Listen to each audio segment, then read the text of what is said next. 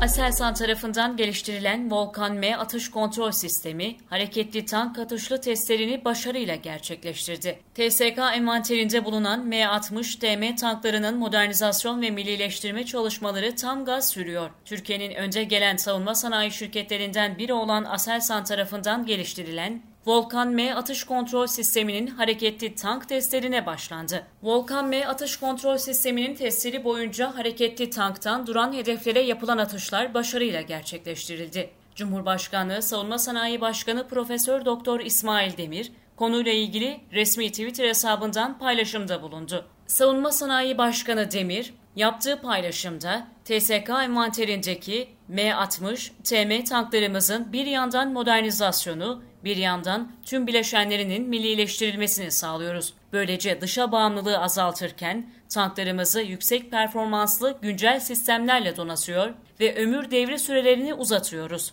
Bu kapsamda Aselsan tarafından geliştirilen Volkan M atış kontrol sisteminin hareketli tank atışlı testlerine başladık. Hareketli tanktan duran hedeflere atışlar başarıyla gerçekleştirildi. Yıl sonuna kadar yeni tank atış kontrol sistemimizi kalifiye etmeyi hedefliyoruz ifadelerini kullandı.